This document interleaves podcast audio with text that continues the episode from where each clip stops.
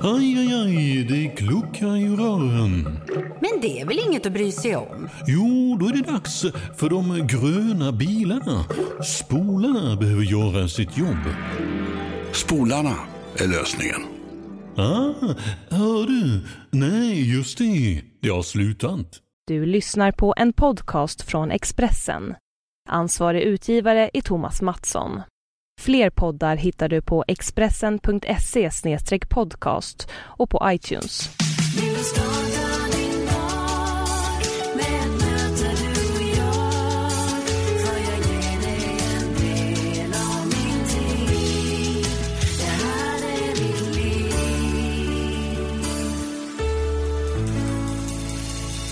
Varmt välkommen till veckans avsnitt av Livshjulet. Det här är det 95 avsnittet av den här podcasten som görs av mig, Anna Hegerstrand, tillsammans med en välkänd gäst.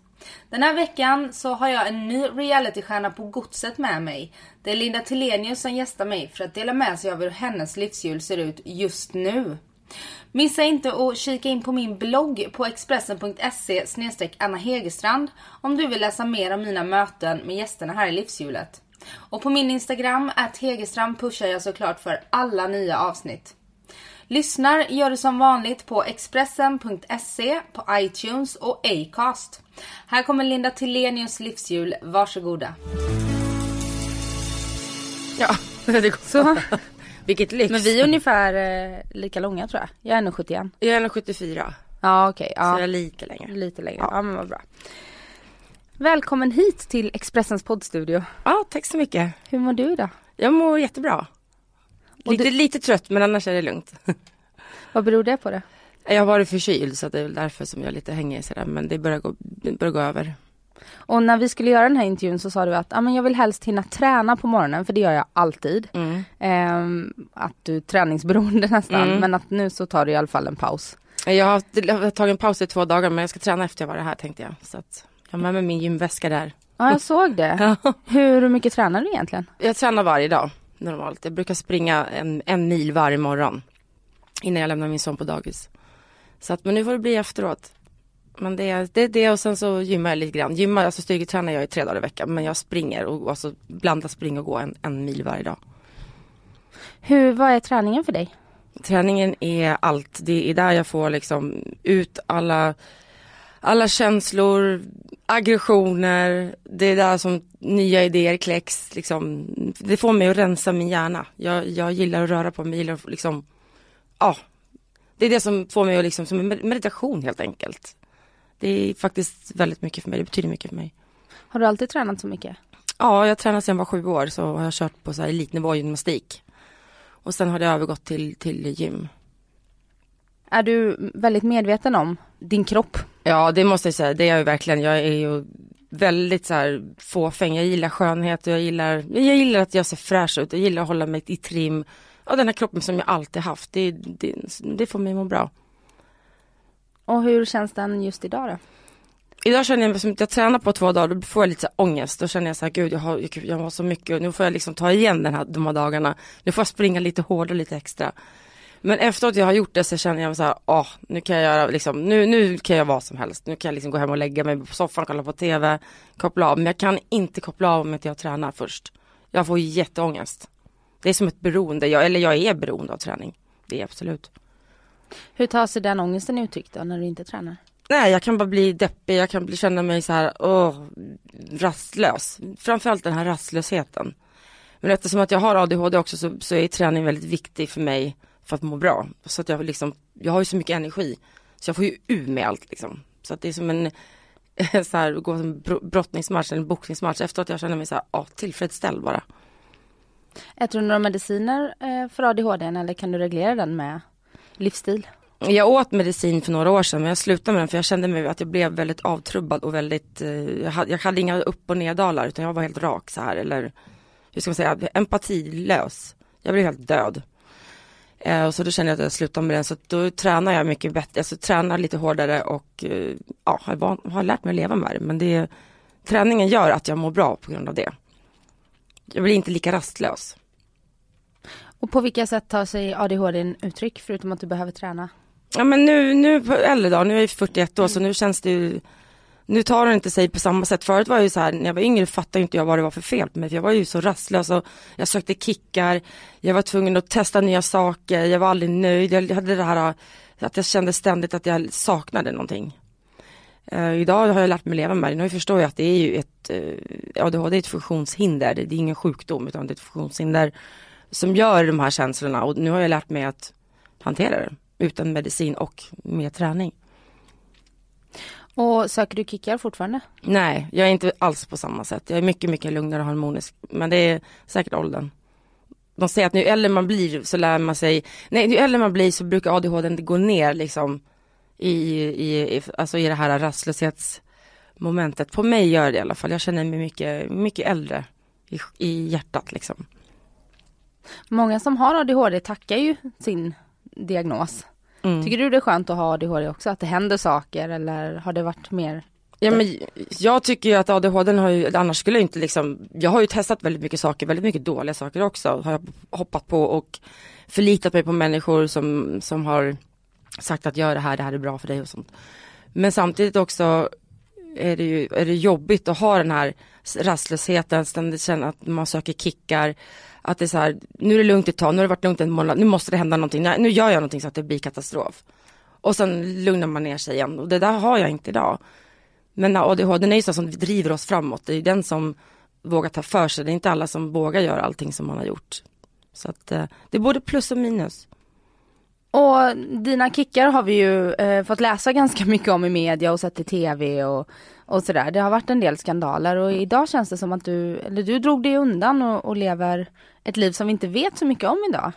Ja, jag kände att det var allt det där efteråt så, fick jag ju medicin och eh, var till läkare och sen fick jag kolla tillbaka på allt jag hade gjort och det kändes bara, men gud vem fan är det här? Det känns inte som att det är jag. Men nu kan jag förstå mina handlingar och varför jag har gjort sådana saker så att det är ganska skönt att kunna lägga locket på. Så idag känner jag att jag, jag har inte det behovet. Jag, jag, jag är lyckligt gift, jag har, jag har min familj, jag har min träning. Du vet, jag är, mitt lilla liv, jag har mitt lilla liv i Djursholm och jag är nöjd med det. Jag behöver inte det här äh, sökande överallt. Det är jätteskönt faktiskt. Känner du ändå att du var tvungen att gå igenom det, att det kanske hade kommit senare då, att det här var en period som du var tvungen att ta dig igenom och testa på innan du kunde hitta till ditt lilla lugna liv? Ja, så är det. Alltså gud ja, det är, det är, det är som jag säger.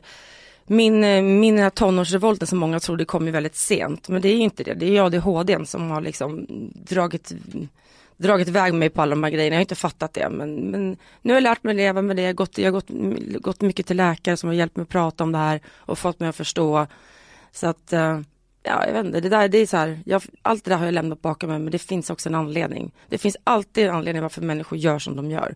Det är alltid så. Det är inte bara att någon gör dumma saker, utan det bottnar oftast i, i, i bakgrundsgrejer. Och känner du att människor idag dömer dig för de handlingarna du gjorde för flera år sedan? Ja gud ja, det kan absolut, det händer, det, det händer lite då och då men Många har ju så här när de träffar, men gud du är ju jättetrevlig eller gud du är ju smart eller du är inte alls som på tv. Nej men alltså gud nej. Och tv som sagt, där klipper man ihop och visar vad man vill. Det är ju inte ens riktiga person oftast när det är tv. Och du bor i Djursholm Ja, med din man Peter ja, och ni gifte er, det är fem år sedan snart. ja. Mm. Och så har du barnen Melissa och Kevin. Mm, Mm. Och Melissa blir, hon är 20 och Kevin är 15. precis. Stämmer det? De fyller 21 och- och 16 snart. Ja. Ja. Och så lilla Kian som sitter här, Keen, ja. Keen utanför med sin padda. Han, han fick inte vara med i studion för han är pratglad. Ja precis, han pratar för mycket. Mm. Och eh, Peter, när, när träffades ni? Vi träffades, gud vad är det, 2009 kan det vara det? Nej, åt, åtta på hösten, om det var nio, jag kommer inte ihåg. Men vi har känt varandra i, i åtta år innan så vi har alltid varit kompisar. Men det var väl efter där 2009 som det klickade liksom. Och sen gick det väldigt snabbt. Mm. Ni gifte er, du blev, du blev gravid. Ja. Vi för, jag blev gravid, förlovade mig och gifte mig inom ett år. Ja. Tror jag nog. Ja, Det, är också, det handlar också om det här att våga liksom, Ja. bara kasta sig ut för stupet. ja och han, han är ju likadan, han har också ADHD så vi är ju, vi är ju precis likadana fast han är i en manskropp. Men det, det är vi som syskonsjälar. Jag tror att det är därför det har funkat så himla bra. Jag har aldrig haft ett sånt här långt förhållande. Och aldrig haft en, en bra man hittat en bra person. Jag tror att jag har fått hört så här, psykologiskt som jag har gått till, jag har gått väldigt mycket i terapi. Där har de sagt också, du ska alltid titta i din telefonbok. Oftast den du minst anar, det är oftast den som är din stora kärlek. Kolla tillbaka i om du hittar någon. Jag, det där har jag tänkt på efteråt sen. Jag bara, fasiken för Peter, det var, fan, vi har ju känt honom åtta år innan liksom. Är jättekonstigt. Och han fanns i min telefonbok. Så det var faktiskt lite roligt. Mm. Och vad var det som gjorde att du drogs till honom, att det klickade till slut? Ja men det, självklart var det den attraktionen. Vi, alltså båda två när vi träffades första gången, då var, hade vi förhållanden. Men sen eh, när det gått många, några år och vi träffades igen så var det den här attraktionen. Och sen när vi hade träffats en dag, då var det liksom, ja men alltså det var klart, det var som, det var som att vi hade känt varandra, jag menar alltså det öppna boken och det var han var jag och jag, alltså det kändes som att gifta sig med sig själv. Han förstår mig i alla lägen, det behöver aldrig bli så här eh, missförstånd och vi är alltid helt 100% ärliga. Även fast det kan vara jobbiga saker så tar vi det med varandra. Så det finns inte det här att man går runt och bara ja, går blir jättesur eller tror att han har gjort det här eller att jag har gjort det här. Utan han lever också i, i eller har levt i offentlighet. Så att vi, som, vi har båda förståelse med, med allt vad det här innebär. Så att vi, jag vet inte, det bara klock, klickar perfekt mellan han och mig. Tar ADHD ut varandra då så att det inte blir så stormigt? Ja men alltså det, jag kan ju säga så här, vi är ju kära, vi är ju askära, alltså, vi- vilket vi är varje dag. Men sen är det något bråk, då kan vi ju bli skitförbannade. Men det går över så här snabbt. Men det är ju så här känslorna 100% eller noll. Allt eller inget på allt vi gör. Så att det är liksom och, det, och, vi funkar perfekt. Jag har aldrig funkat så bra med, med en person någonsin. Så att det är, alltså det är bara, jag är bara glad att det är som det är. att jag hittade honom. Mm. Grattis. Ja, tack. Och ni flyttade eh, från stan till eh, Djursholm Mm. eh, i eh, somras? Mm, precis. Och just nu håller ni på att renovera och jag såg Ja. på din Instagram att du höll på att tapetsera i Ja. Kins rum. Ja. Är du händig? Ja, det är jag. Men jag kommer från en sån familj också. Pappa hade ju ett byggföretag och min bror jobbar inom bygg. Så jag har alltid jobbat med händer, snickrat, lödigt, lagat punk och punka. Men jag kommer från en familj så att det är liksom inget konstigt. Du var lite pojkflicka när du var yngre då? Jag var en pojkflicka rakt av. Jag åkte moped, jag hängde bara med killar så att ja. Berätta om huset och renoveringen, jag blir jättenyfiken. Vi bor i lägenhet. Jaha, jag trodde att det var hus. Nej, vi bor i lägenhet. Ah, Okej, berätta om den då. Ja, sk- alltså jag kan säga så här, det är ju skitjobbigt, det är jobbigare än vad man tror. Men Peter och jag gör allting själv. Sen ibland tar vi in eh, min bror eller någon kompis där. Men eh, det, det går jättebra, det tar tid men det går bra. Vi får ju ta helgerna, ibland blir det vardagskvällarna men det, det går framåt. Vi, har, vi håller på med det sista rummet. Så det, det går bra, vi har ju tagit, vad är det, fyra rum. Mm. Oj, Plus ni, byggt ett, ett, vi har byggt en vägg mellan så vi har fått en, ett extra rum. Så att tapetsera, måla, bygga vägg, isolera, alltså allt. Nu la vi klinker i häromdagen, eller i lördags i hallen. lyxigt ändå att få precis som man vill ha det. Ja men det är ju så man vill ha det. det mm. Har ni, har ni bott i lägenheten samtidigt som ni har renoverat? Ja. Hur går det med din städning? Du det är skitjobbigt, Jag- alltså tro mig det är fruktansvärt jobbigt. Jag, det, jag klarar inte av damm, jag får panik så jag står och dammsuger hela tiden. Dammet kommer ner och jag fortsätter, jag svabbar och så kommer damm. Och Peter bara, men Linda kan du inte vänta lite, det liksom, jag är inte klar än. Då har jag redan hunnit svabbat bort allting. Jag, jag, jag är knäpp, jag är en städmänniska. Det måste ta väldigt mycket tid och energi. Ja men det är skitkul. Jag, jag tycker, jag, så fort det är så här, jag vet inte, då, så får det, det får mig att må bra på något vis. När jag ser att det är rent, då kan jag koppla av. Jag gillar inte när det är rörigt omkring mig, för då blir det rörigt i mitt huvud. Jag måste ha, jag måste ha min, min, eh, min trygghet måste vara som en fyrkant. Det måste, jag måste ha koll på allting. Då klarar jag vardagen. Sen har jag mina rutiner, det låter skitfånigt. Varje morgon så måste jag gå upp vid en viss tid. Jag måste sätta på mitt kaffe först och sen måste jag göra det där och sen måste jag fixa Kins kläder. Alltså jag har mina rutiner. Och, och minsta lilla klockan blir, om jag går över den tiden då, då får jag panik. Då känner jag att då, då blir det rörigt. Då kan jag bli jättelätt irriterad eller bara, men alltså nu, nu funkar inte det här. Så att jag måste liksom, det måste flytta på för att jag ska må bra. Så att det låter jättekonstigt men det är så små ja, morgonrutiner, jag måste få dem att klaffa. Det, så är det bara. Ja men vi är ju rutinmänniskor, vissa mer än andra då. men tycker du att är det någonting som stör dig eller är det okej att ha det sådär? Nej men jag mår bra av det så att eh, det, det är inget konstigt. Det är, det, är min, det är mitt liv, det är min vardag liksom. Så ska det se ut. Du berättade att du har gått i, i terapi. Mm. Vad, vad för typ av terapi och vad lärde du dig där? Jag har gått eh, i terapi hos Alla Kvinnors Hus för tjejer som har blivit misshandlade och nedtryckta. Och eh, där lärde jag mig jättemycket. För det första så fick de ju lyfta mitt självförtroende. De, de fick ju mig också att säga byta, bryta mitt mönster, att inte falla för bad boys utan ta den personen. Vi ser att det står ett gäng killar som ska synas och höras har jag alltid velat haft som, så det har dragits till de männen. Ta han som står längst bak och inte säger någonting. Men gud han är så tråkig. Men snälla du ska ju tänka långsiktigt, inte bara liksom det här attraktionen utan det ska finnas någonting annat. Så att det, de, har ju lärt mig väldigt mycket så. Jag, trygghet, liksom, jag har fått gott där, de har lyssnat, jag har kunnat sagt. Det är inte så lätt att kunna lita på någon när man är en offentlig person. Så fort man har sagt till någon så har det gått vidare till någon annan och sen så förstoras det. Här har jag kunnat prata helt själv och det är ingen som liksom, har vetat om någonting. Så för mig har det varit jättebra. Och när man är i den världen då kanske det är skönt att ha ett litet eh, nätverk som man vet att man verkligen kan lita på. Har Mm. du det? Ja det har jag. Man kan räkna dem på en hand, det, är- det, är- men det är så, det är, jag har ett litet, litet nätverk. Umgås du mycket med vänner? Mm, Det var mer förr, nu är det väl lite då och då. Jag har ju, jag har ju liksom Bobby som alltid min, har varit min vän sedan 11 år tillbaka liksom. Han finns ju alltid, så nu har ju Zubeidi kommit in i mitt liv. Så har jag också Alex Ervik, så att jag menar jag har ju min, dem. Alltså min man och jag är ju, han är absolut mig tajtast. Det är han jag pratar med allt om. Så att, eh, sen har jag min bror. Ja, det är lite sådär, det är de jag har. Vad har du för relation till eh, dina barn? Melissa och Kevin? Min dotter bor ju, har ju flyttat hemifrån för en, ett tag sedan. Så att vi pratar i telefon nästan varje dag. Det var ju bland annat hon som ringde mig alldeles nyss. Men, eh, och Kevin, han kommer till mig varannan helg. Han bor i Västerås. Men jag pratar med min dotter varje dag nästan och min son varannan dag typ. Så att det, vi har väldigt bra relation. Och det är jag väldigt glad för. Och du har ju fått eh, barn eh, dels när du var väldigt ung i 20-årsåldern och sen så fick du Kid när du var 36, 37? Något sånt. Ja, Eller? ja jo, men, jo det är klart, han är, han är fem, 36 var jag. 36 var du. Vad var skillnaden att få barn eh, lite senare? Det var jättestor skillnad. Alltså när jag var så ung så, som Melissa då, då var jag ju 19 år när jag blev gravid. Och då, jag menar, jag har inte gjort någonting, jag har liksom, visste ingenting om livet. Jag trodde att det var där var min stora kärlek. Alltså man tror så mycket saker när man är så ung. Men jag, allt blev liksom kanske inte som man hade tänkt sig. Och som idag känner jag ju mig 36 år. Jag har landat, jag, jag har liksom gått igenom väldigt mycket. Jag vet att skaffar jag barn med den här mannen så kommer jag att hålla mig, det kommer att hålla till honom för jag älskar honom. En helt annan kärlek än vad jag någonsin upplevt. Så, och jag är mer tryggare i mammarollen, jag behöver inte liksom springa ute jämt och lämna bort på liksom barnpassning. Jag är, jag är mer hemma, mer närvarande mamma än vad jag var förut. Men eh, jag är också med alltid kan jag säga med den här lilla. Det är, jag är sån curlingmorsa så att det nästan är fjantigt alltså.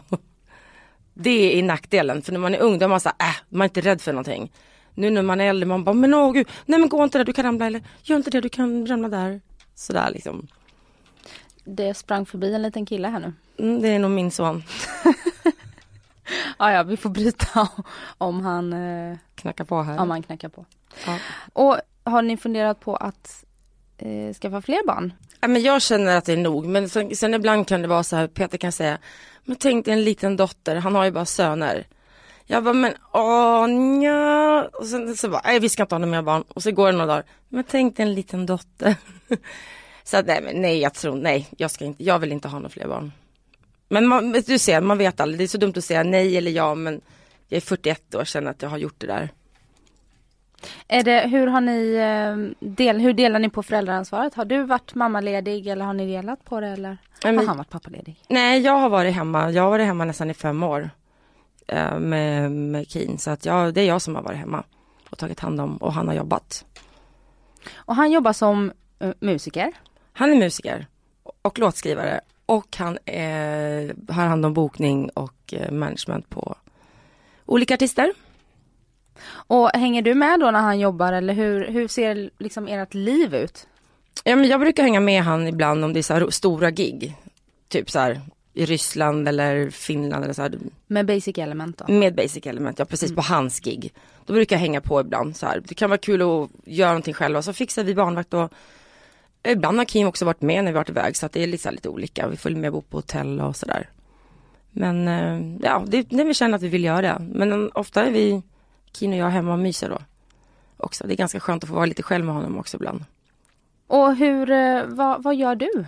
Du säger att du varit hemma nu i fem år. Mm. Eh, mammaledigheten kanske inte räcker riktigt fem år. Nej, det gör Vad- den inte. Vad sysselsätter du dig med? Ja men nu, eh, sen har jag gjort lite olika, där, under de där fem åren så har jag gjort lite olika jobb som jag såklart, så tv-grejer som har genererat pengar och sådär.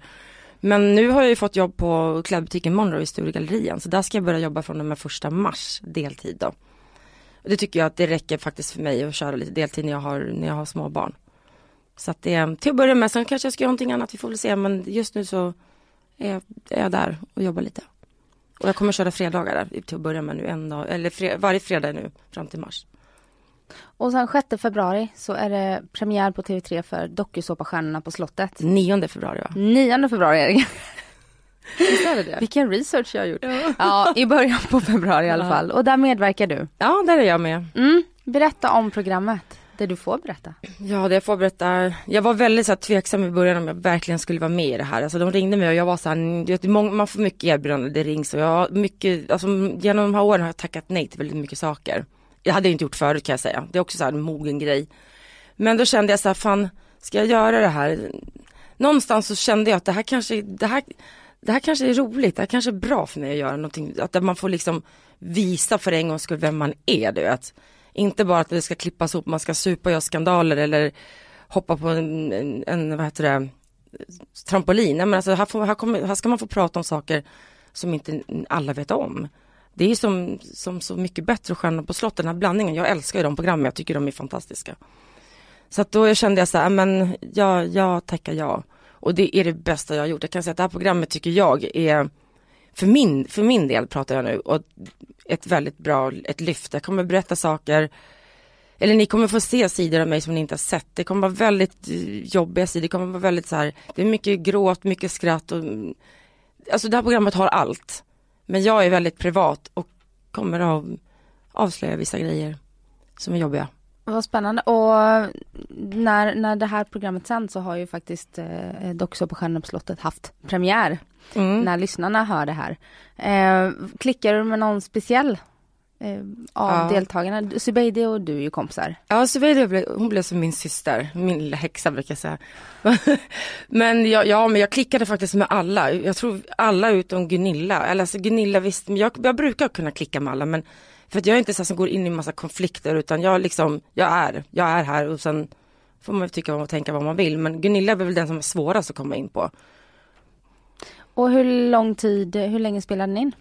Vi, var, vi spelade in i sex eller om det var sju dagar. Jag kommer inte ihåg riktigt, sex dagar kanske det var. Bodde vi på slottet där. Hur gick det då med dina rutiner? Ja men, där, men vet du vad, där fick jag ju släppa allting. Jag fick ju inte träna heller. Så det var, vi spelade in ibland på morgonen åtta på morgonen till ibland halv två på natten.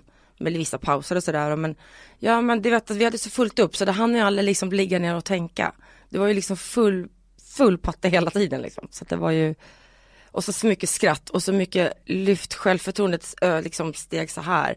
Underbara människor som jag verkligen, verkligen tycker om som var med. Det var, vi har haft så jäkla kul. Vad var det som gjorde att självförtroendet fick sig en boost? Jag vet inte, det är bara omringande med de här människorna och deras positiva energi som hela tiden lyfte en.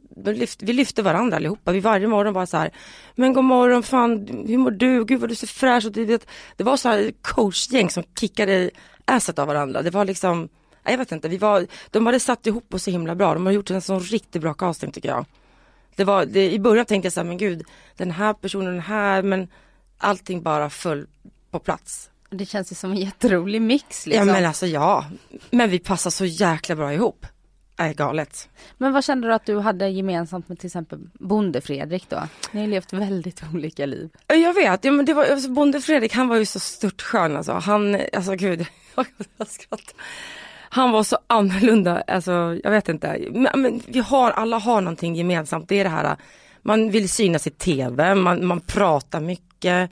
Eh, det här liksom, jag vet inte, jag kan inte gå in på det, men man kommer få se det. Man- Jag kan inte avslöja för mycket för det, då säger jag ju liksom programmets idé. Men alla vi har en, en vi har gemensamma, vi har ju klart gemensamma, hur säger man, en, en röd tråd i oss allihopa. Men Bonde Fredrik, fan vad skön han är alltså. Jag tyckte han var så jävla nice. Ja, han är en personlighet. Ja, Ett original. Ja men han är en personlighet, vilket vi alla också är på våra sätt och vis. Men han var, var rolig. Ja, mycket skrattar kan jag säga. Kul. Mm. Eh, och du bloggar också? Ja, jag bloggar, men jag, mest är det Instagram som gäller just nu. Det är väl det som jag lägger ner min fokus på mest. Är det en privat sysselsättning eller är det eh, business för dig? Privat. Det är privat. Ja, det är. Jag är nästan besatt och beroende av det, men jag har ju nyss startat den där. Jag har ju, var ju senast av alla att skaffa Instagram. Jag skaffade den där i slutet på september. När alla har haft den i typ så tre år, fyra år. Jag bara, jaha, jag kanske borde ha en Instagram. Så det var efter programmet, de bara, nu måste du skaffa en Instagram Linda. Så du kan pusha för oss? Ja, det och allt annat. Jag måste ju hänga med. Jag hänger inte med ett skit annars. Nej. Så att jag har ju bara varit hemma. Jag har, inte, liksom, jag har bara skärmat av mig från allt och liksom bara hållit mig undan om man säger. Jag behövt den tiden för att ha liksom mått bra och återhämta mig och nu kan jag öppna upp mitt liv igen och så här lever jag liksom.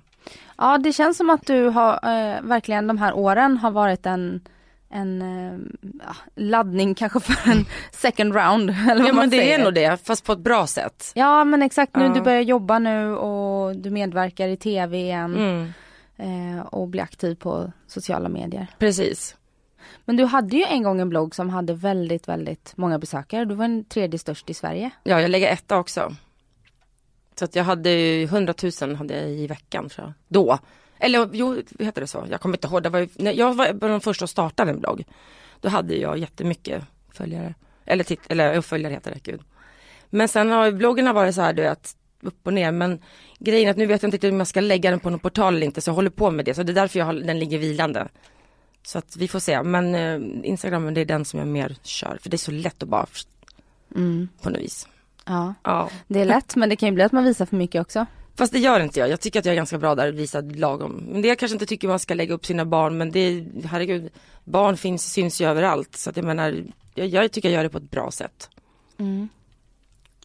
Eh, och vill du göra mer tv nu efter, efter det här tror du? Absolut, det vill jag göra. Men då vill jag göra någonting som passar mig. Jag kommer inte ta första bästa utan det ska vara någonting som går hand i hand med det här som jag har gjort. Typ? Det får ni se. Nej, nej men jag vet inte. Jag, nej jag vet inte, får väl se. Det, det visar väl sig. Om det kommer något roligt erbjudande så får man väl ta det i beaktning. Men det kan jag tänka mig absolut. Sen vill jag prata lite, för din blogg handlade ju mycket om skönhet. Mm. Eh, och du är en av dem som aldrig har varit eh, rädd för att visa att, att du eh, gör behandlingar och, och förstorat brösten och sådär. Men du blev spruträdd efter att du fick din son. Ja men jag, sen jag fick eh, Kino har jag blivit rädd för allt. Jag är rädd för flyg, jag är rädd för dö, jag är rädd för sjukdomar, jag, ja men du vet. Och allting är ont. Alla är, injektioner man gör gör jätteont. Nej men jag vet inte, man har blivit mer känsligare tror jag. Man, jag vet inte, jag tror det. Jag har mjuknat som person mycket mer. Har det fått dig att eh, trappa ner på skönhetsbehandlingarna eller ingreppen eller vad säger man? Men jag, det, det, det låter som att jag gör jättemycket saker men det enda jag gör det är botox och det gör jag var fjärde månad. Och det, det är det jag gör, that's it. Alltså nu snackar vi ingrepp. Ja. Och det är liksom, det andra det gör jag inte längre. Jag gör inga läppar längre, jag gör inga alltså bröstförsäljningar, inga sådana operationer utan injektioner som alla andra också gör som kanske inte vill berätta det. Men jag, jag står för det. Men det är många andra som gör det också som jag vet. Som inte går ut med det. Är ganska vanligt idag. Ja okej. Mm. Eh, jag tänker att vi ska sätta lite betyg på ditt livshjul här. Mm. Eh, och de, livshjulet består ju av åtta tårtbitar Mm. eh, som vi mår bra av att hålla i balans. Mm. Och nu så skulle jag vilja att du sätter konkret betyg från 1 till 10 eh, på alla de här olika delarna så kikar vi lite på hur det ser ut. Mm. Och kärlek och då är det främst kärleksrelationen. Mm. Eh, för att familj och, och vänner och sådär det är ju också kärlek. Ja. Men det har en egen tårtbit. Så Mm. eh, din relation till, till Peter. Ja det är ju 10 poäng tycker jag, den är full pott. Där är jag supernöjd, jag vill inte förändra någonting, jag tycker vi har det bra. Vi umgås varje dag, vi, vi, alltså, vi har det bra, vi klarar av att hänga varje dag. Utan att det ska bli liksom, man tröttar på varandra. Jag är så här, jag kan vara lite så här, det låter lite konstigt men jag kan vakna upp så här, det har gått en dag så vaknar jag upp på morgonen då är jag jätteförälskad.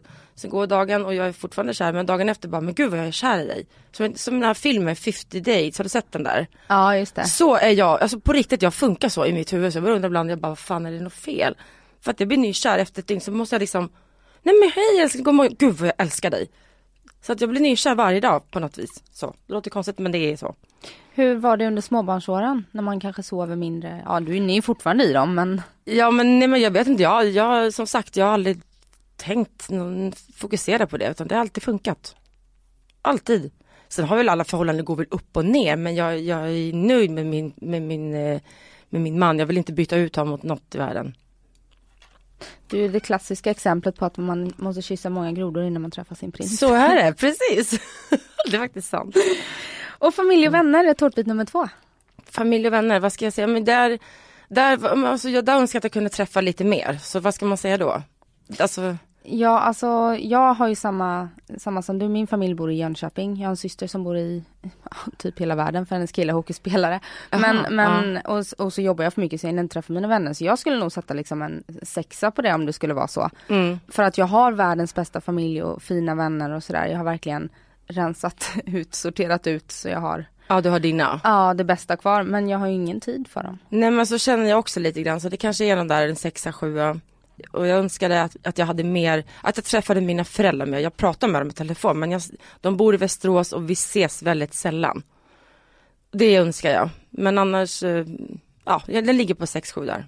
Och vännerna det är också väldigt sällan. Jag önskar jag hade mer, att jag tog mig mer tid. Men det är, familjen tar tid. Så att, Och ofta så är det ju vänskapsrelationer som får stryka på foten. ja men det är det. Tyvärr. Ja. Så att det är lite sorgligt. Bostad. Bostad är jag också en tia. Jag är jättenöjd med där vi bor. Vi har jättefin balkong, jättestor utsikt över, när, alltså kollar du på sidan så ser du ner mot vattnet. Vad har jag, några, tre minuters gångväg ner till vatten. Nej, jag, jag kan inte klaga. Jag, jag trivs naturen, vackert. 10. Visst, man skulle vilja ha ett hus för flera miljoner men som det är nu så är jag väldigt nöjd. Mm. Och ni flyttade från mitt i stan, ni Mm. bodde mitt i Vasastan. Mm. Eh, och så ut. Ut mot landet, eller landet, ut mot vackra naturen Djursholm. Jag tycker det är så bra och fint att bo för barn där. Det känns tryggt att släppa ut dem där, släppa ut dem mitt i stan. Så att, kanon och jättefina promenadsträckor och nära om man vill åka båt och sådär. Ja. Mm. Ett helt annat lugn kan jag tänka. Åh ja, ett helt annat tempo. Du blir inte stressad då liksom i det lugnet? Du jag kan säga så här, när jag kommer in till stan, när jag flyttade, jag tänkte så här, jag, ska, jag trodde aldrig att jag skulle trivas och bo sådär lugnt, för jag är uppvuxen på landet. Och jag bara aldrig jag skulle bo på landet. Så när jag flyttade ut till Djursholm så fick jag sånt sjukt jävla så här, lugn och trygghetskänsla. Så när jag kommer in hit, då blir jag jättestressad. Jag såhär, ah, okej, folk går 100% snabbt ditåt och så är det ditåt. Kön, de suckar och det gnälls. Du vet, jag bara, men shit vad folk stressar. Så att man kommer hit, man blir, man blir automatiskt stressad inne i stan. Jag kände att det där, jag mår inte bra av stress, jag ska bo där det är lugnt. Det är bra för min ADHD. så att, ja. Och hemma nu när ni ska inreda och så, är det du som tar kommandot eller delar ni på det? Eh, du, det delar vi nog på. Fast min man är den som är, arbetar med, alltså han är skitduktig på det han gör. Jag är den som hjälper till och håller i eller kanske ibland lite snett men och försöker mig på men det är han som, det är han som är själva drivkraften. Vad har ni för stil? Eh, modernt, så här, alltså nordisk, Zubeide kallar det nordiskt, så det, det kallar jag nordiskt. Alltså jag gillar detaljer, alltså silvriga detaljer, vita detaljer, svarta, gråa, ja men du vet väldigt sådär nordiskt. Och cleant eller Cleant. lätt att städa? Lätt att städa. Jag gillar inte så små massa porslinsgrejer som ska stå överallt. Jag får panik med sådana dammsamlare. Ja, jag vet. Ja, nej. Och en tia? Ja, det kan man ju säga. Som det är läget är nu. Jag skulle vilja ha ett hus, men nu är det ju som det är nu, så är det en tia. Mm. Och jobb och karriär? Ja, men där, åh, där, där vet jag inte. Där kanske jag ligger på en tvåa. Mm. Alltså det låter skittråkigt men alltså, jag är fortfarande så här, gud vad, vad vill jag bli när jag blir stor? Alltså, jag tycker det är jättekul att jobba i butik, det vill jag absolut göra. Men jag har alltid haft en dröm att bli psykolog eller bli terapeut. Det har jag också så här, coach. Jag har ju något himla kall i mig att jag, när jag träffar människor så öppnar de upp hela sitt liv. Och det, jag, jag kan gå till Konsum och handla så ska han sitta och berätta liksom vad han har varit med om. Eller jag går till Pressbyrån där, eller kiosken där jag bor så rinner han och gråter han ut om sina problem. Och min man sa det, fan du har ett jävla kall jag har aldrig sett en människa som alla vill prata med sina problem med. Och jag älskar ju människors person, jag vill veta varför är du som du är. Jag är ju jättenyfiken på människor så att det är väl så här drömmen. Tänk att ha det i, i sam, ihop med ett tv-program med unga tjejer. Man coachar dem, hjälper dem, deras självförtroende. Eller någonting, man lyfter fram dem. Jag älskar det, jag, alltså, något sånt där skulle jag vilja göra. Någon Du har ju-. Ja. Du har ju testat på väldigt många yrken. Mm. Det har varit eh, popartist, flygvärdinna. Ja. Jobbade du som det? Nej, jag började blogga och tjänade dubbla löner så det var ganska lätt att välja vad man ville göra. Aha. Så det var därför jag är utbildad till flygare, jag kan få jobb där än idag om jag vill. Men det är inte aktuellt så länge jag har familj liksom. Det går inte att vara borta så mycket. Nej, det förstår Nej. jag. Men- Och att plugga till psykolog, skulle du kunna, skulle du klara av det? Inte psykolog men terapeut i fyra år, ja det skulle jag klara av. Absolut, jag har ju liksom, jag har gått så här valet och kvalet nu i höst, bara, ska jag göra det, ska jag inte? Ska jag göra det eller inte? Så bara, mm, jag vill ju någonstans men jag tänker fyra år. Shit vad länge. Men eh, ja men Å det, andra sidan, sen har du 20 år kvar i arbetslivet. jag vet och det ligger någonstans här och gurglar men jag vet inte men just nu så tycker jag det är kul att jobba på Monroe där. Jag kan få stå och ställa kläder, det tycker jag också är roligt. Jag älskar människor så det är perfekt. Eh, men en tvåa, eh, ekonomi. Ja men den är ju noll då. Där vill jag tjäna mer. Jag menar jag har ju nyss kommit ut och börjat tjäna pengar, eller ska börja tjäna pengar. Jag har ju varit hemma. Så att jag har ju inte tjänat några pengar. Nej. Så det har ju varit väldigt, väldigt tråkigt. Så det där, där vill jag ju upp till en tia men jag är en nolla idag. Eller kan man säga, eller nu har jag ju fått jobb, det kanske inte är nolla då. Hur säger man då? Nej. Etta kanske då? Ja. Ja men det är på väg uppåt då, kan man säga så? Ja, och sen så handlar det ju om också, du är ju gift. Mm. Om Peter försörjer familjen och du inte behöver känna någon oro för ekonomin. Mm. Då kan det ju bli lite högre för att det är ju, det hade varit skillnad om du hade varit själv med tre barn. Ja, och då- inte tjänat ja. några pengar. Nej men då kan vi ta bort den här ettan då, då kan vi sätta den högre. Ja men det är inte, det, alltså, det handlar inte bara om det. Jag känner mig inte oroad sådär att jag känner mig att, jag inte behöver, att vi inte har några pengar. Men det är ju alltid bra att tjäna egna pengar för ens egen självkänsla. Att jag känner att fan det här jobbet har jag gjort bra, och jag fick lön för att det här har jag gjort bra. Istället för att alltid bara Ja, jag behöver pengar till det, jag behöver pengar till det. Jag gillar att prestera själv och dra in pengar. Jag är en arbetsmiljö, jag har alltid varit det. De här fem åren som jag varit hemma med Kin, det har liksom det har aldrig hänt förut. Så att, eh, men någonstans tror jag att det här dåliga samvetet har velat att gjort att också att jag velat vara en bra mamma för, för min yngsta son. Och ta igen det här som jag liksom, som mina äldsta barn har fått sotat för. En mamma som aldrig var hemma, som var frånvarande, som alltid tänkte på sig själv i första hand. Så är jag absolut inte idag. Så att, eh, ja. Nej den där, den får gå upp lite men oj, men den ska upp till 10. Du förstår vad jag menar med poängen där? Ja, jag förstår. Just nu så ligger den lite lågt. Ja, Men kan vi sätta en femma då? ja sätt en femma Det där. är ju mitt emellan. Den är låg men ska bli väldigt hög. Den ska bli väldigt hög. Men då måste jag fråga, du sa att du tjänar dubbla månadslöner på att blogga. Varför slutar man blogga då? Fast sen böt ju jag portal. Den portalen som jag eh, bloggade på gick i konkurs. Sen böt till en annan portal och den hade jag under tiden jag hade tv-programmet som jag hade för Rätta för Rosing.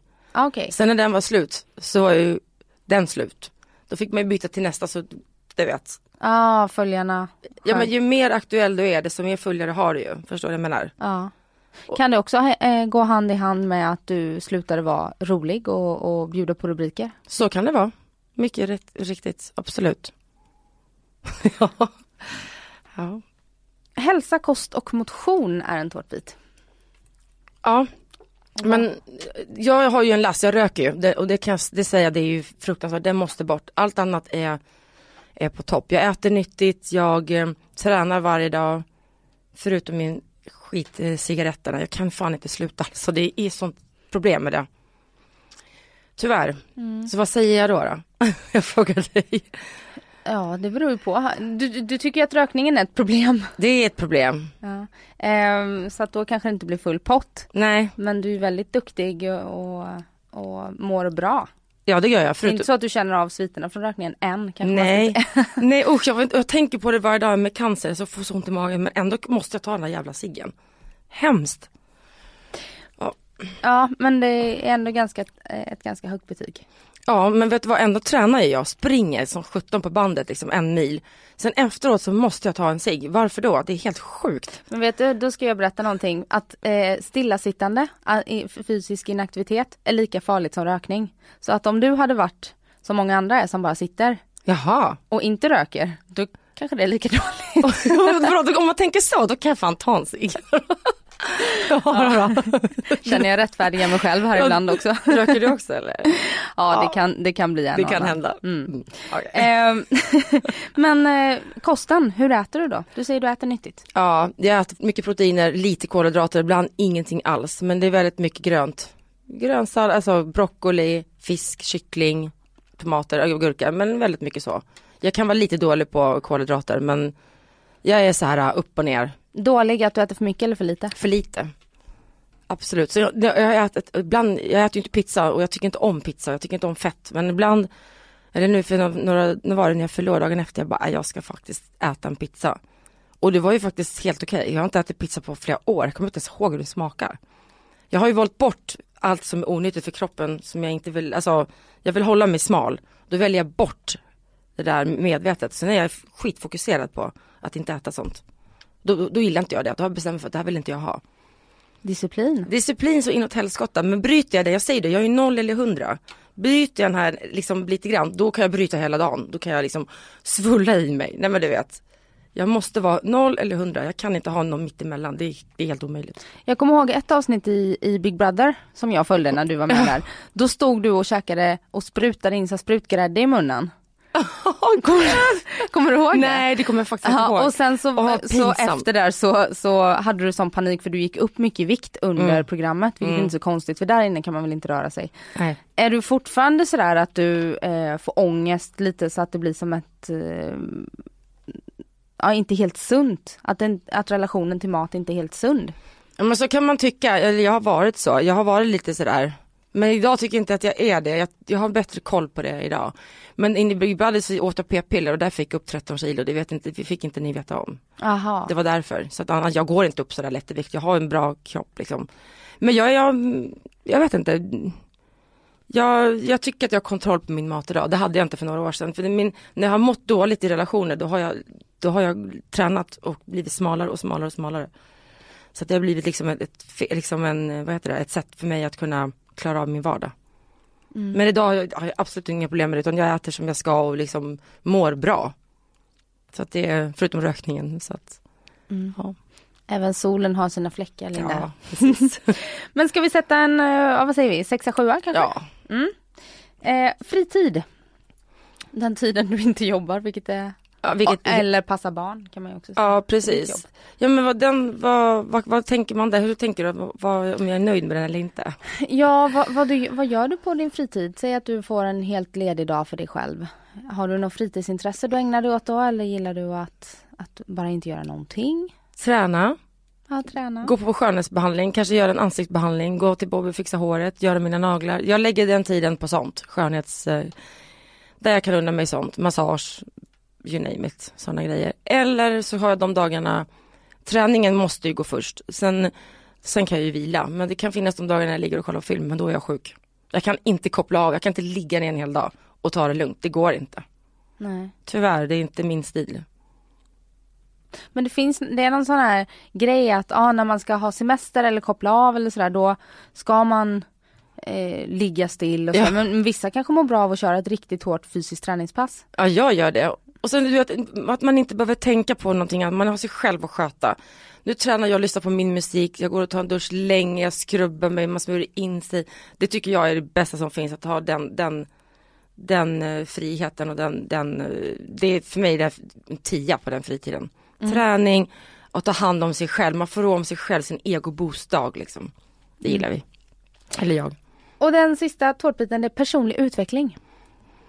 Ja du. Alltså hur det har gått för mig nu eller vad, hur? Personlig utveckling det är ju hur du jobbar med dig själv och dina eh, brister Ja. kanske eller hur, hur det har sett ut, vad du är liksom. Min idag. ja men min personliga utveckling idag är mycket bättre än vad den någonsin har varit tycker jag. Men jag är fortfarande inte där än. Jag känner att jag har någonting i mig som, som jag vill jobba med. Riktigt så här, som jag sa det här med terapeut eller vad jag, vill, jag är inte riktigt 100% där med vad jag vill utveckla mig till. Alltså jag kan så mycket mer än vad jag gör. Förstår du jag menar? Jag känner att jag har så mycket drivkraft som, som jag vill lägga på någonting som jag verkligen, som jag är bra på. Och där jag, jag är inte där än. Vad kan man säga där, en sexa kanske?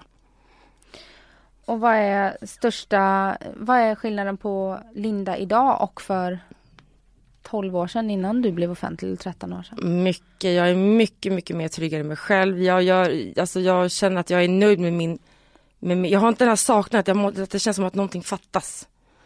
Och jag behöver inte söka kickar utan jag är, jag är så jäkla nöjd med det livet jag har. Men som sagt, i jobbmässigt så vill jag ju att det ska hända någonting mer. Jag, inte, där, liksom, jag, vill att det, jag vill göra mer grejer. Nu har jag varit hemma så länge så att jag, det kliar liksom i mina fingrar. Jag vill liksom göra massa roliga grejer. Men ehm, men jag är mycket, mycket mer stabil och jag är mycket bättre mamma, jag är närvarande, jag är en bra hustru, jag är en bra liksom, kompis. Jag, jag, jag är mer närvarande. Jag är, det är inte bara, förut har det alltid varit jag, jag, jag. Nu är jag liksom mer fokus på andra. Och jag, jag tycker om den personen mycket mer. Har du blivit sams med det här att du kanske inte var så bra mamma för Kevin och, och Melissa? Ja gud, det, ja eller ja, både och. Men mina barn är så stora idag så vi pratar väldigt mycket om det. Vi pratar om allt och det är så skönt att de också förstår hur jag har varit och varför det har varit som det har varit. Och så säger de skillnaden på mig idag. De älskar ju mig ännu mer idag. De säger det, du är världens bästa mamma idag. Jag får så fina sms och hur mycket de älskar mig och det är liksom, det tycker jag, och är bevis på att jag har fina barn. Att det, liksom, att det går bra för dem, det, det är allt. Så att det, för mig är det absolut viktigast att jag har blivit en mycket bättre mamma. Det är nu jag skulle ha skaffat barn om man ska ha facit i handen med den här åldern. Det är inte tidigare. Och om vi går igenom ditt eh, livshjul så satte du en tia på kärleken. Mm, En sexa, sjua sådär på familj och vänner. Du vill ha mer tid för dem. precis. Bostad en tia, mitt i renoveringen. Det är Mitt- starkt. Ja men det är det, jag är, så, jag är så nöjd med den lägenheten. Ja. Ja. Hur stort bor ni? Vi har, nu har vi en femma. Ja, vad härligt. Ja så det räcker till oss. Mm. Och jobb och karriär en tvåa. Ja. Det behöver utkristallisera sig lite mer. ja, jag måste hitta på någonting riktigt bra nu. Ja, Får du erbjudanden och sådär fortfarande? ja det kommer till och från. Det gör det. Ekonomi en femma. Hälsa, kost och motion en sexa, sjua. Det är rökningen som drar ner det. Ja, annars skulle det vara en tia tycker jag. Mm. Mm. Fritiden tia och personlig utveckling en sexa. Mm. Kändes det, kändes det rimligt att höra Ja. det så? Det känns väl okej. Jag skulle vilja ha tia med mitt hjärta ärligt på alla, men det kommer väl. På allt. Men det kommer. Jag tror det kanske bara är jag som är så pessimistisk men jag tror det är svårt att, att ha det. För Ja. det är alltid vissa saker som är fokus Ja. i livet. Precis. Men att sträva efter det, det är ju den ständiga kampen. Ja, det är den ständiga kampen, ja. Och nu ska du få Ja. gå ut till din lilla son som sitter här utanför. Ja. Tack snälla för att du kom hit och gästade mig. Tack för att jag fick komma. Det är Det ska jättekul. jättekul. Har ni varsitt program då i, i dokusåpastjärnorna på slottet? Ja, vi- Precis som... Ja. Eh, Vi är två i, i varje program. Ja, vem delar du med? Det kan jag inte säga. Ja, det kan du inte säga. It's a surprise. Ja. ja men vad Ja. kul, det ska bli jätteroligt Ja. att se och lycka till med allting nu. Mm, Så, tack så så um, får du ha det så bra. Mm. Hej då! Hej då.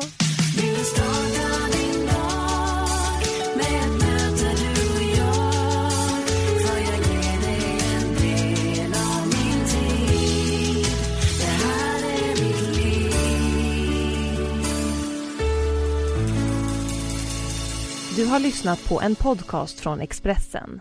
Ansvarig utgivare är Thomas Mattsson. Fler poddar hittar du på expressen.se podcast och på iTunes. Den 17 maj från 9 till 15 kommer Makita och besöker Verktygsvaruhuset med sin berömda container. Riktigt fina klipp och erbjudanden under hela dagen. Välkommen till Verktygsvaruhuset, världens första Makita Concept Store.